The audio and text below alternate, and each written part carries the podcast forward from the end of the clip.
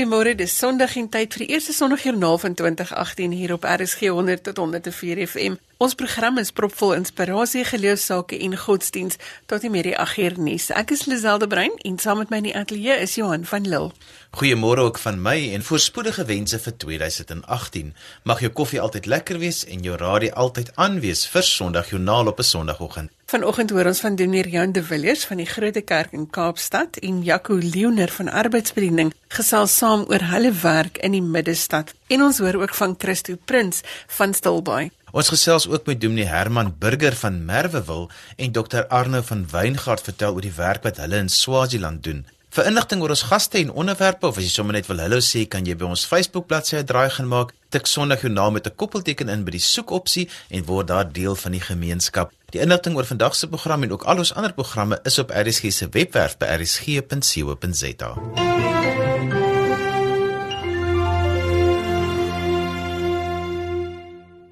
Die Miriande Villiers is van die Grote Kerk in Kaapstad en ons gesels vanoggend oor hulle middestadbediening en hoekom dit so belangrik is dat ons met mekaar moet praat. Goeiemôre Rian.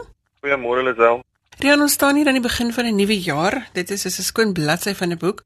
Hoekom is dit so belangrik dat ons op alle vlakke en oor alle grense heen met mekaar sal praat hierdie jaar? Ja, Lisel, ons is aan die begin van 'n nuwe jaar, maar al ons uitdagings en probleme word oorgedra na die nuwe jaar. En ek dink daar is baie ehm um, uitdagings in ons samelewing veral in hierdie tyd wat ehm um, wat alles Suid-Afrikaners raak. So en mense kom van verskillende plekke af en het verskillende ervarings. So vir ons is dit belangrik ons visie by die kerk veral vir 2018 is gedeelde lewens, gedeelde stories en gedeelde verantwoordelikheid. So ons wil so met soveel as moontlik mense praat om te sê hoe spreek ons ons uitdagings aan in die gemeenskap ter wille van die gemeenskaplike welsyn of die gemeenskaplike goedheid van van die omgewing waar ons is en die land waar ons woon. En hoe doen julle dit nou by die oudste gemeente in die land? So, ons is in die middestad van Kaapstad en dit is 'n uh, verskriklike diverse en kosmopolitiese area en dit is ons belangrik om om hande te vat met verskillende mense, soveel as moontlik mense. Daar's verskillende organisasies, daar's verskillende gemeentes, daar's verskillende NGO's en ons wil graag ehm um, met almal praat en sê maar wat is die dinge wat ons ehm um, wat ons ooreenkomstige doelwitte is en dat en hande vat om dit saam te doen. So ons is voortdurend in gesprek. Ons ehm um, probeer saam werk op verskillende vlakke as daar verskillende inisiatiewe is, dan sal ons um, ons gewig daarbey ingooi. As ons inisiatiewe van ons kant af het, dan sal ons mense nooi om met ons deel om daan deel te neem saam met ons. Julle buurgemeente is 'n mask aan die een kant en aan die ander kant is dit byvoorbeeld 'n presbiteriaanse gemeente. Ja, ek meen daar's verskillende tradisionele kerke ons, die Anglikaanse kerk, ehm um, die. George's Kathedraal sit daar by ons. Dis die kerk is daar so, daar's is daar so 'n sinagoge naby ons. So, ons voel dat alhoewel daar sekere verskille is, sê maar rondom ehm um, dogmas en leringe en in die gelowe is daar ook baie meer ooreenkomste tussen wat ons wil bereik en en wat ons ehm um, die geloof wat ons navolg eintlik van ons vereis. Daar's verskillende maniere wat 'n mens dit kan doen. Rian, hoe doen julle dit in die middestad? Eerstens het ons 'n inner city partnership wat geleentheid is vir verskillende ehm um, gemeentes, ons praat nou van ehm um, Christelike of gemeenteskerke bymekaar kom en ons ehm um, ontmoet mekaar in die verskillende ruimtes. So ons maak beurte om by mekaar se geboue uit te kom en dan dan praat ons oor ons gesamentlike roeping in die stad. So op die 16de Desember het ons 'n uh, versoeningsdag stap gehad wat ons ehm um, begin het by die Morawiese kerk in distrik 6. Ehm um, bymekaar gekom het uh, van die verskillende ehm um, gelowe en ons het dan van daar af gestap na die moskee wat net daar naby is. Ons het ehm um, gestap na St. Luke's um, Anglikaanse kerk en ons het dan in distrik 6 verskillende areas besoek en geëindig by die Katolieke Kerk. En by elkeen van hierdie punte het het iemand gepraat ehm um, van 'n verskillende geloof en gepraat oor die uitdagings ehm um, wat daar in die stad is en wat daar vir ons voorlê in die nuwe jaar wat ons saam moet aanpak.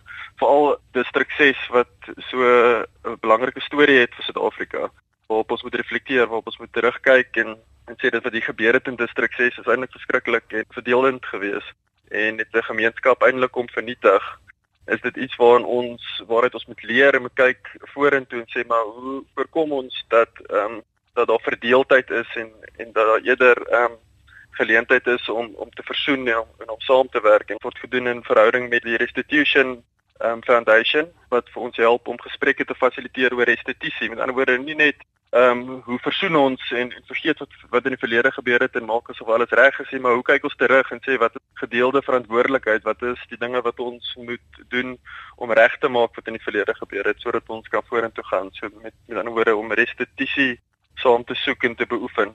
So as ons nou diep asemhaal en ons sê wat is ons boodskap vir die jaar 2018 wat voorlê? Hoe sal jy dit verwoord? Ek sal sê dat ons moet luister na mekaar oor verskillende gelowe, verskillende kultuurgroepe, verskillende gemeenskappe.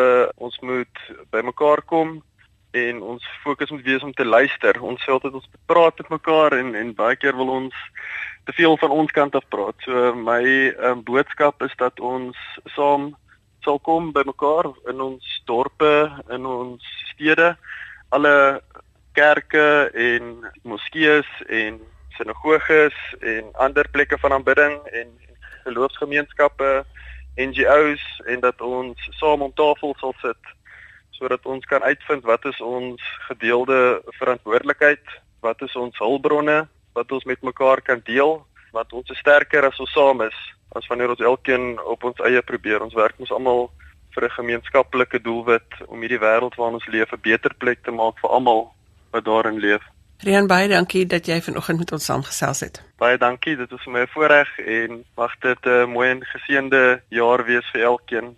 Die stem daarvan Dominee Rian de Villiers. Goeiemôre as jy sopas ingeskakel het. Jy luister na Sondagjoernaal en ons gesels geloof en godsdiens hier op RSG 100 tot 104 FM. Dankie vir almal wat dit weet het dat hulle ingeskakel het vanoggend. Ons staan aan die begin van 'n nuwe jaar wat ons almal hopelik met groot ywer en seën gaan aanpak. Ons leef in 'n wêreld waar praat belangrik is, maar dis nie vir almal ewe maklik om met mekaar in gesprek te tree nie. Jaco Leoner is deel van die arbeidsbedieningspan en saam met sy vrou Sandra is dit hulle missie om mense aan die praat te kry. Goeiemôre Jaco. Goeiemôre Lazel. Ons staan aan die begin van die nuwe jaar. My arbeidsbediening begin julle ook hierdie jaar om mense te motiveer om 'n verskil te maak. Vertel ons daarvan. Lazel, ja, dis 'n groot voorreg om vir arbeidsbediening te werk. Wat die bediening so aangenaam maak is dat dit kan basies enigiemand wees. Die stad Kaapstad het onlangs 'n kantoor oopgemaak. Ons funksioneer sedert Junie verlede jaar. En die uitdaging met as ons kan sê 'n nuwe bediening in 'n area is nie net om in te spring en jou eie ding te doen nie. Dis maar so 'n bietjie om tyd uit te vat en te hoor en in gebed ook by God te hoor waarin hoe moet ons te werk gaan. En julle gaan nou 'n projek aanpak saam met die Grote Kerk in die middestad van Kaapstad. Dis reg ja, die Grote Kerk het ons uh, genader. Ek en my vrou is altyd lidmate by die Grote Kerk en hulle het vir ons kantoorspasie gegee vir arbeidsbediening van waar ons dan nou in die res van die stad inbeweeg. En julle gaan probeer om mense aan die praat te kry, gemeenskappe met mekaar aan die praat te kry oor grense heen aanvaar ek. So hoe gaan julle dit doen? Dis reg. Die stad bied 'n bietjie 'n ander uitdaging omdat meeste van die mense ry in van buite af in die stad Kaapstad in. Dis 'n baie besige omgewing en baie van hierdie mense werk in geboue wat die mense nie noodwendig kan inkom nie. So dit is streng sekuriteit. Ons maak deur die nie net die groot kerkie maar ook met die ander gemeentes maak ons kontak met Christene wat in die stad werk. En so kom ons dan um, in aanraking met ander Christene, maar nie net Christene ook, nie Christene op die verskillende werksplekke. Hoekom dink jy is dit so belangrik dat ons mekaar moet praat oor ons geloof? Al glo ons verskillend. Ons lewe in 'n land wat uh, ons vryheid het om ons geloof te kan deel met mekaar en uh, maak nie saak of jy moslim is of um, hindoe of ateïs of christen is nie. Dit is belangrik dat ons in gesprek met mekaar intree. En ons gesprekvoering met mense en interaksie is nie om hulle te oortuig dat uh, dat Christendom die enigste geloof is nie. Vir ons is dit die enigste geloof. Maar dit is net om 'n saadjie te saai en om hulle te laat dink is dit waarin hulle glo, hulle wêreldbeskouing van hulle geloof, is dit die plek wat vir hulle op die einde van die dag gaan bring waar hulle graag wil wees. Ek glo tog dat wanneer ons met mekaar in gesprek tree by die werksplek, omdat ons met verskillende mense saamwerk, dan gaan dinge soos respek en verdraagsaamheid na vore kom en dit is belangrike gesprekke om te hê sodat ons in vrede met mekaar kan saamleef. Dis baie belangrik. Ons lewende land wat so vol Misdaad is ongelukkig en as ons nie voortdurend in gesprek met mekaar gaan wees nie, as jy nie met die persoon langs jou praat of oorkant jou praat wat saam met jou werk nie, maak nie saak of dit in 'n werkswinkel is of daar buite is of in 'n kantoor opset is nie. dan uh, gaan ons mekaar nie noodwendig verstaan nie want mense tree verskillend op as gevolg van hulle wêreldbeskouings. Ons het 'n heerlike interaktiewe werkswinkel wat ons aanbied reeds om mense in die praat te kry. Waarheen ons mense uitnooi en hierdie werkswinkel fokus uh, veral op 3 punte. Dit is uh, jou fokus op waarin jy glo, jou geestelike aspek, jou vennote, wie is die mense saam met wie jy werk, jou vennootskappe in jou lewe en dan ook wat is die vaardighede wat jy self het wat jy kan gebruik. En nie net om geld te maak nie, maar ook om ander te seën. En soos ons deel hierdie 3 punte gaan met mense en rondom hierdie punte gesels. So verstaan mense mekaar ook beter, maar nie net mekaar beter, jy verstaan jouself ook beter by einde van die dag. Ons ons is so taakgeoriënteerd in die in die omgewing waar ons werk is en produksie georiënteerd dat ons vergeet baie keer van onsself en en verloor onsself in die proses en dit is eintlik die plek waar ons moet begin is by is by self. Wat het gemaak dat die groot kerk in julle in die middestad so 'n bediening wil begin? Ons het met mekaar begin gesels en uh, gesien dat die visie wat arbeidsbediening het en die pad waarna toe hulle of op pad is, uh, baie nou saamloop met die groot kerke. Ons is saam besig om nie net met mekaar te gesels nie oor byvoorbeeld rekonsiliasie nie, maar ook oor restituisie. Ons kom uit 'n land soos ek gesê wat ehm um, alle volkgroepe nie altyd die gelyke geleentheid gehad het om ook te ontwikkel nie. En ja, ons praat baie oor rekonsiliasie, maar ons praat baie min oor restituisie. Dit is maklik om te sê ek vergewe jou en ons gee mekaar 'n drukkie of ons skedant en ons stap weg. Maar ek is nog altyd in 'n bevoordeelde posisie en en jy is nog altyd waar jy was. Alhoewel ons 'n bietjie beter voel oor mekaar en dis hoekom ons sê dat restituisie is net so belangrik dat ons 'n bietjie langer pad met mekaar stap wanneer ons met mekaar gesels om te kyk kan ek nie dalk van my hulpbronne deel om jou ook te help nie of kan jy nie dalk van jou hulpbronne deel om my te help nie Jakob wat beteken dit vir jou eie persoonlike geloofslewe om by hierdie werk betrokke te wees Na my studies in 1989 het was ek betrokke in die mynwese by arbeidsverhoudinge waar ons die arbeidswet destyds moes begin implementeer het en seker gemaak het dat daar gesonde verhoudinge op die werksplek is. Men wetende dat ek baie jare daarna by arbeidsbediening betrokke sal raak waar dit ook gaan oor verhoudinge op die werksplek maar nie net oor produksie en en meer oor die die mens nie maar ook oor die geestelike aspek van van individue se lewe. So dis my heerlik om die twee aspekte te verstaan, arbeidsverhoudinge en arbeidsbediening. Arbeidsbediening waar jy nie net uh, na die fisiese werk kyk nie maar ook na die geestelike aspek en seker te maak dat jy dat jy nie iemand aanstoot gee ten opsigte waarvan waarin jy glo nie. Jakob, baie dankie dat jy vanoggend 'n stukkie van jou lewe wêreld met ons gedeel het. Dankie vir die saamgesels. Baie dankie. Mens kan nooit genoeg met mekaar praat nie. Dankie Jaco vir die gesprek. Jy's ingeskakel op Sondag Joernaal en ons gesels met mense oor hulle belewenis van godsdiens en geloof. Christo Prins het op Stilbaai afgetree, maar daar's nie veel sprake van stilsit na sy aftrede nie. Christo Prins is die koördineerder van die arbeidsbediening in Stilbaai en ons gesels vanoggend oor sy werk. Goeiemôre Christo. Môre, Lisel. Christo, jy besoek mense se werksplekke. Hoe werk arbeidsbediening in Stilbaai?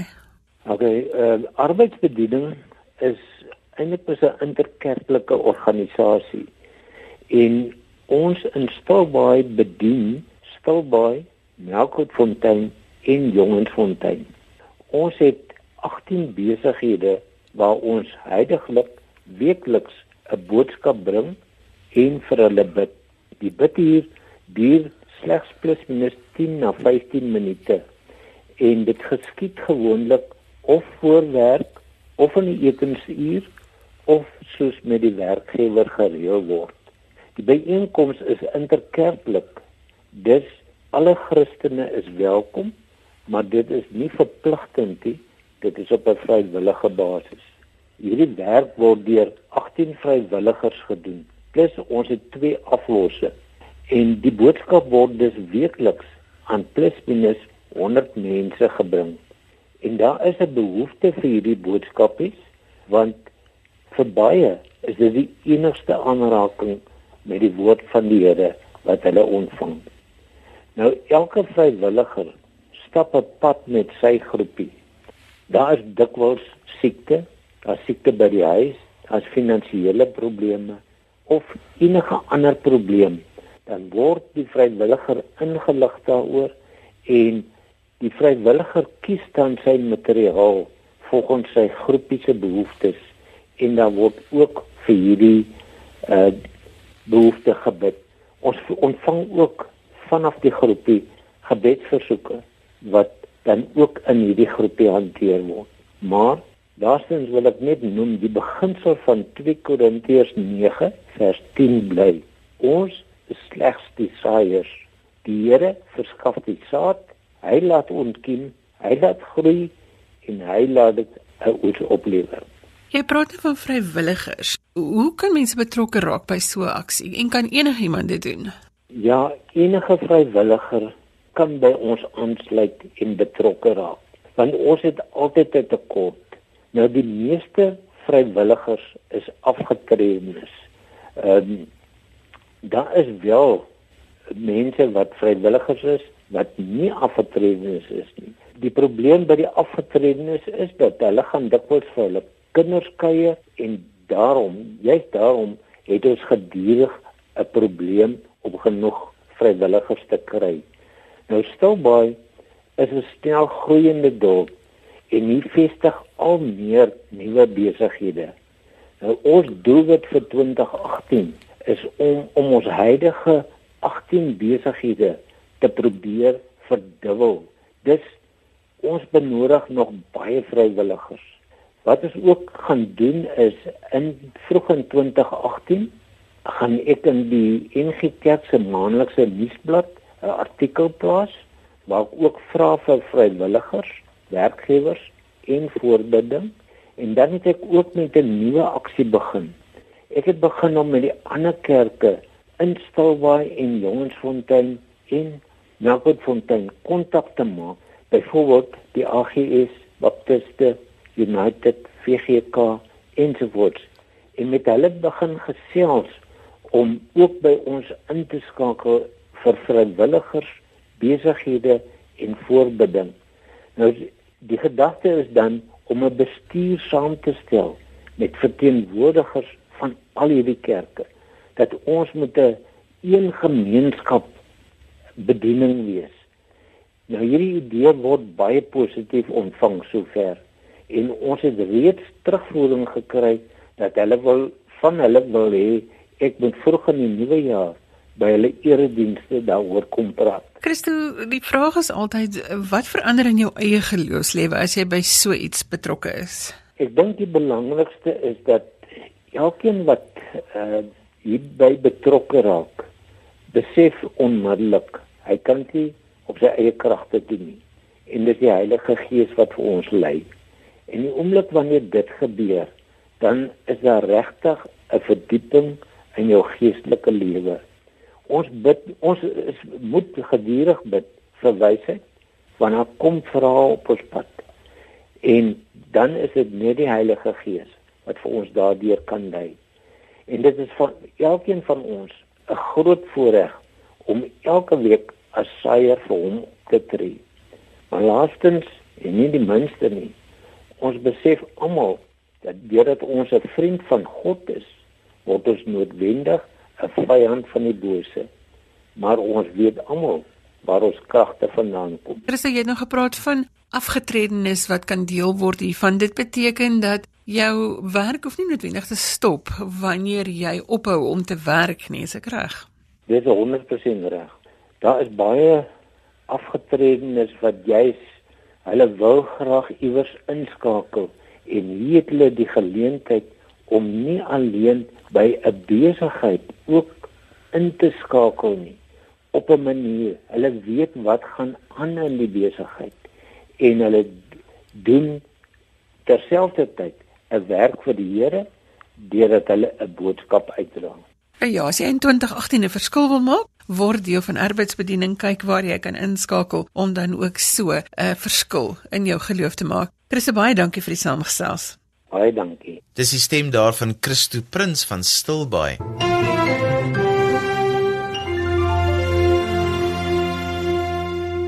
Jy luister na Sondagjoernaal vir die van julle wat sopas ingeskakel het. En ons gesels met mense oor hulle geloof en hoe dit hulle lewenspad bepaal.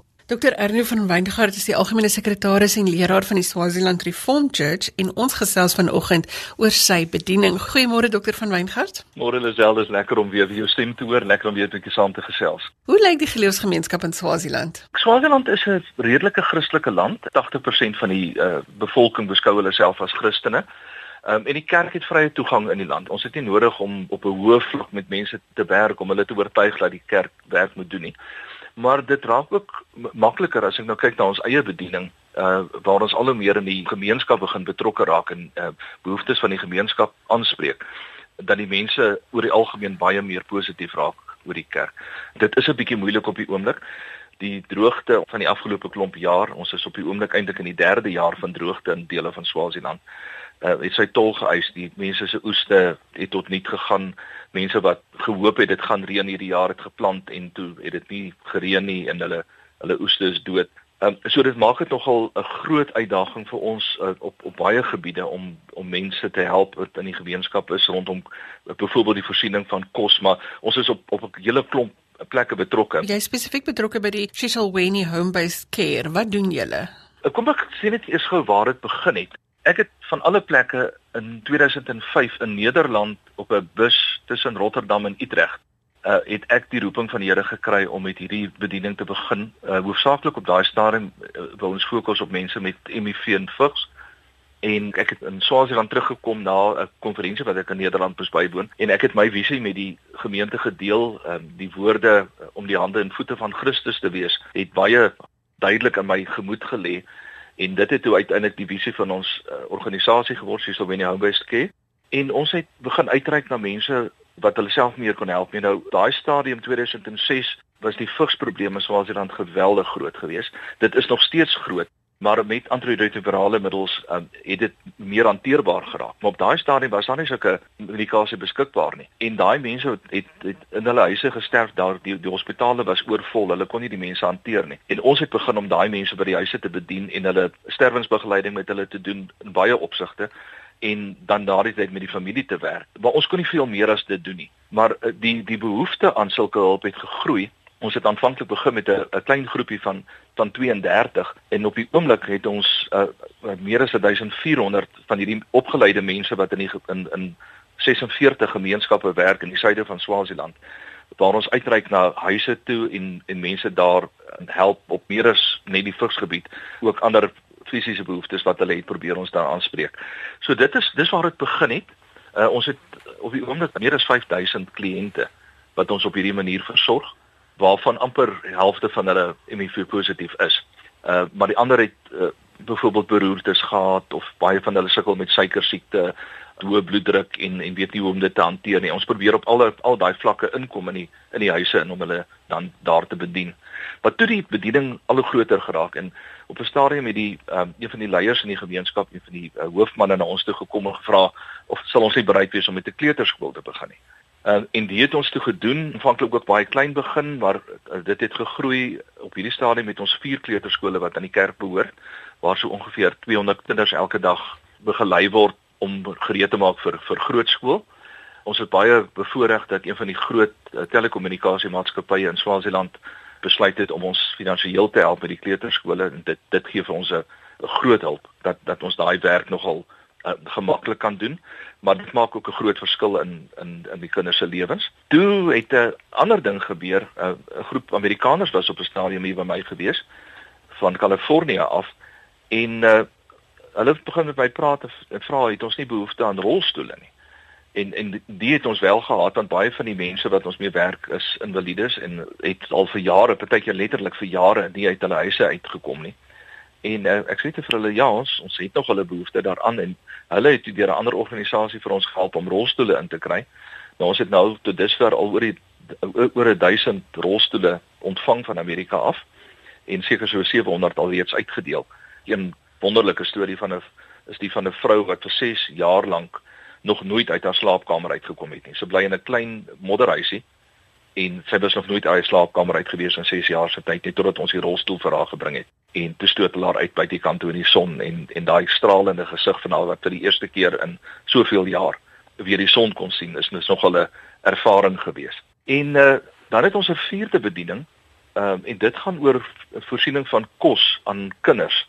Ehm uh, en die begin vir ons 'n al groter prioriteit raak. Um, ek het net al gepraat van die droogte wat ons uh, in Swaziland ervaar.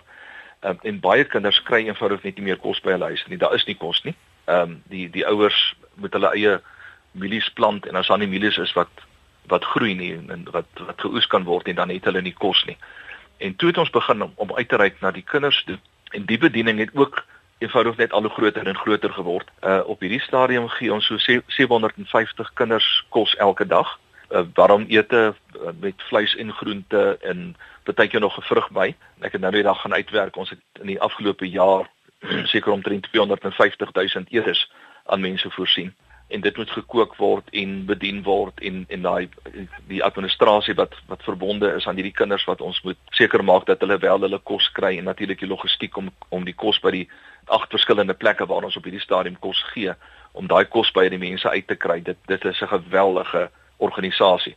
Dit is nie altyd maklik nie. Die behoefte raak net al hoe groter. Ons het net meer en meer kinders wat eenvoudig opdaag by die kerk en dan sê hulle hulle het nie kos by die huis nie kan ons vir hulle help? En gelukkig kon tot dusver kom ons uh, dit regkry dat ons nooit 'n kind weggewys het nie.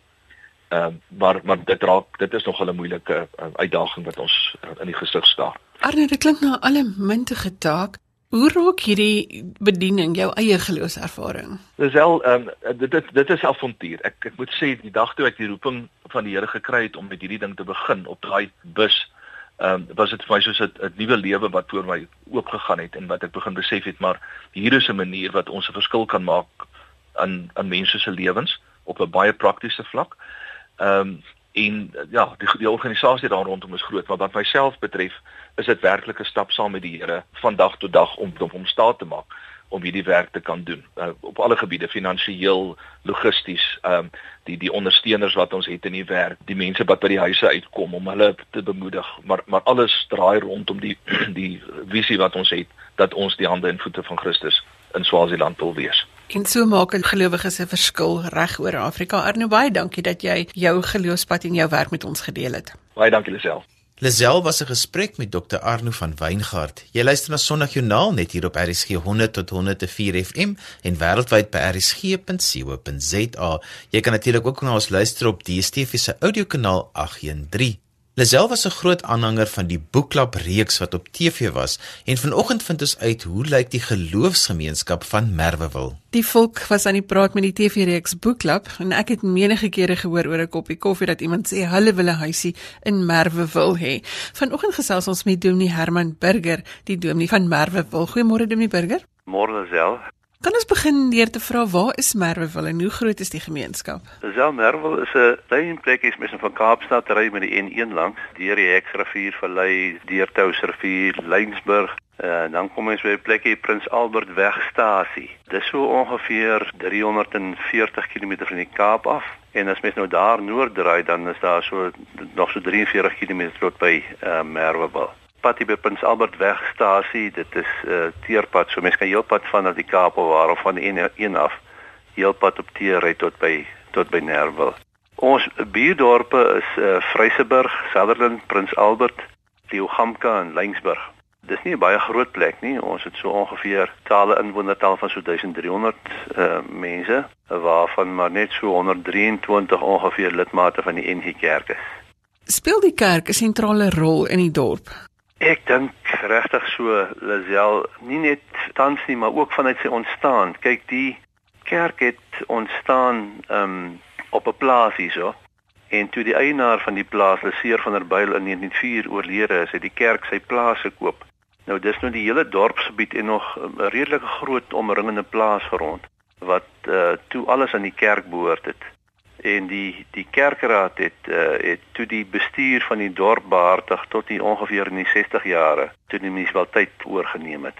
So die kerk het altyd 'n baie sentrale rol gespeel. Aanvanklik mense gehelp om erwe te bekom in die dorp en so meer. Uh, Natuurlik uh, is die kerk spesifiek hier gestig om die mense hier in die Kaap te bedien en daai rol het die kerk uh, vervul van 1904 af, jy weet. So ehm uh, vandag nog ook, jy weet, die ek meen ons 'n pragtige kerkgebou. Hy staan ook so heel prominent in die dorp. Maar ehm um, die ons kerksaal is ook nog 'n muurnes van bedrywigheid, uh, nie net vir die kerk en die kerkfunksies nie, maar ook vir ander verenigings soos die Merwe Landbouvereniging, die VLV, die skole en so meer. Uh hier vanoggend byvoorbeeld is daar weer 'n 'n funksie saam met die ehm um, Karoo Bossies, dis 'n groep ou mense van die kleringgemeenskap wat vanoggend hier onthaal word in ons uh, kerk, kerksaal. Het ek reg gelees dat die boumateriaal van die kerk uh, rondom die die dorp uitgehaal is? Ja, dit kom hier uit die omgewing, dit is hier in die omgewing gekap die klippe. 'n Fantastiese werk gedoen daar. Ek meen as iemand die kerk kom kyk, wonderlike klipwerk wat hier gedoen is in 'n pragtige kerkgebou hier so ja. Demi Burger, hoe lyk die geloofsgemeenskap van Merwewil? Kyk, ons het hier die die NG Kerk wat nou van die begin af hier was. Die VG Kerk wat ook 'n baie lang bestaan hier het.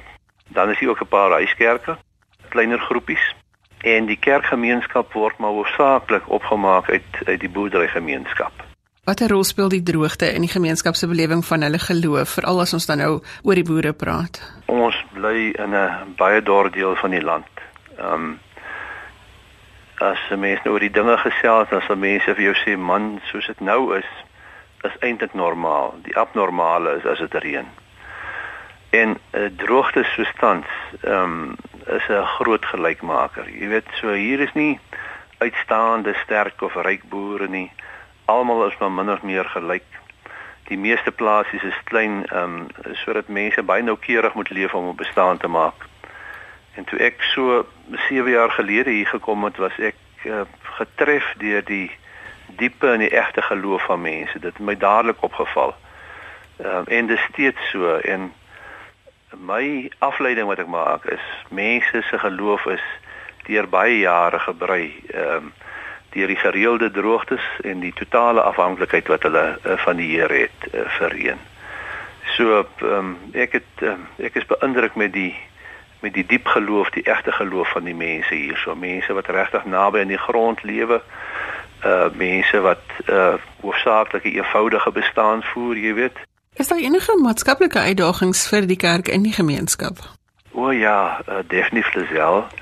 Ehm um, hier is 'n uh, groot uh, drankmisbruik in die, in die Hebreër gemeenskap met natuurlik die al die gepaardgaande probleme wat daarmee saamgaan. Kinders wat verwaarloos word, jy weet, kinders wat nie die nodige geld het vir hulle skoolgeld of daardie klas van dinge nie. So, so ek moet sê is dit miskien die die heel grootste uitdaging die drankmisbruik. En dan natuurlik, hier is nie so baie werk nie. Hier is nou die klompe plase om die dorp en 'n bietjie werk in die dorp by 'n winkel of twee. Ehm um, so hier is ook baie werkloosheid. So ja, definitief is hier genoeg maatskaplike uitdagings ook. Demi Burger om my af te sluit, wat beteken dit vir jou eie persoonlike geloofservaring om predikant in daardie klein gemeenskap te wees? Disel, dis my goed om saam met die mense hier te leef. Dis 'n voorreg om te deel in hulle lief en hulle leed. Uh, dis 'n voorreg om saam met hulle op jou knieë te wees. Byvoorbeeld soos in hierdie tyd van 'n ongekende droogte. En baie keer het ek uh is my gevoel ek word meer gevorm deur hulle geloof as hulle deur myne. So dit is vir my goed om hier te wees tussen die mense en hulle afhanklikheid te sien en iets daarvan te leer ook in my eie geloofslewe. Nee baie dankie vir die saamgesels vanoggend en dat jy 'n stukkie van jou pad met ons gedeel het. Dis 'n groot plesier alsel en lekker dag verder vir jou. En so gesels Dominee Herman Burger van die klein dorpie Merwewil. Jy luister na RSG 100 tot 104 FM en elke sonoggend hierdie tyd gesels ons geloofsaake. Die potgooi van Sondagjoernaal sal môre op RSG se webwerf wees by rsg.co.za. So as jy iets gemis het, kan jy net daar gaan klik en dit aflaai op jou foon of op jou rekenaar en sommer weer 'n keer na alles luister. Volgende Sondag is ons weer hier op dieselfde tyd met nuwe stories uit die wêreld van geloof en godsdiens. Stuur gerus vir my 'n e e-pos as jy jou storie met ons wil deel. My e-posadres is lizel l i z e e by www.media.co.za. Let tog daarop dat dit net twee w's is. Jy kan natuurlik ook vir ons 'n e-pos stuur deur die webwerf by rsg.co.za. En ons vra baie mooi dat jy jou kontakdetail daarby sit, anders kan ons nie op die e-pos reageer nie. Ons gaste vanoggend was die Miriam de Villiers van die Grote Kerk in Kaapstad, Jaco Leoner van Arbeidsbediening, Dominee Herman Burger van Merwewil en Dr Arno van Weingart van die Reformed Church in Zambië en ons het ook gehoor van Christo Prins van Stilbaai. Baie dankie dat jy ingeskakel was. Ek groet namens produksieregisseur Neil Roo agter die kontroles van my Johan van Lille tot volgende week. Totsiens.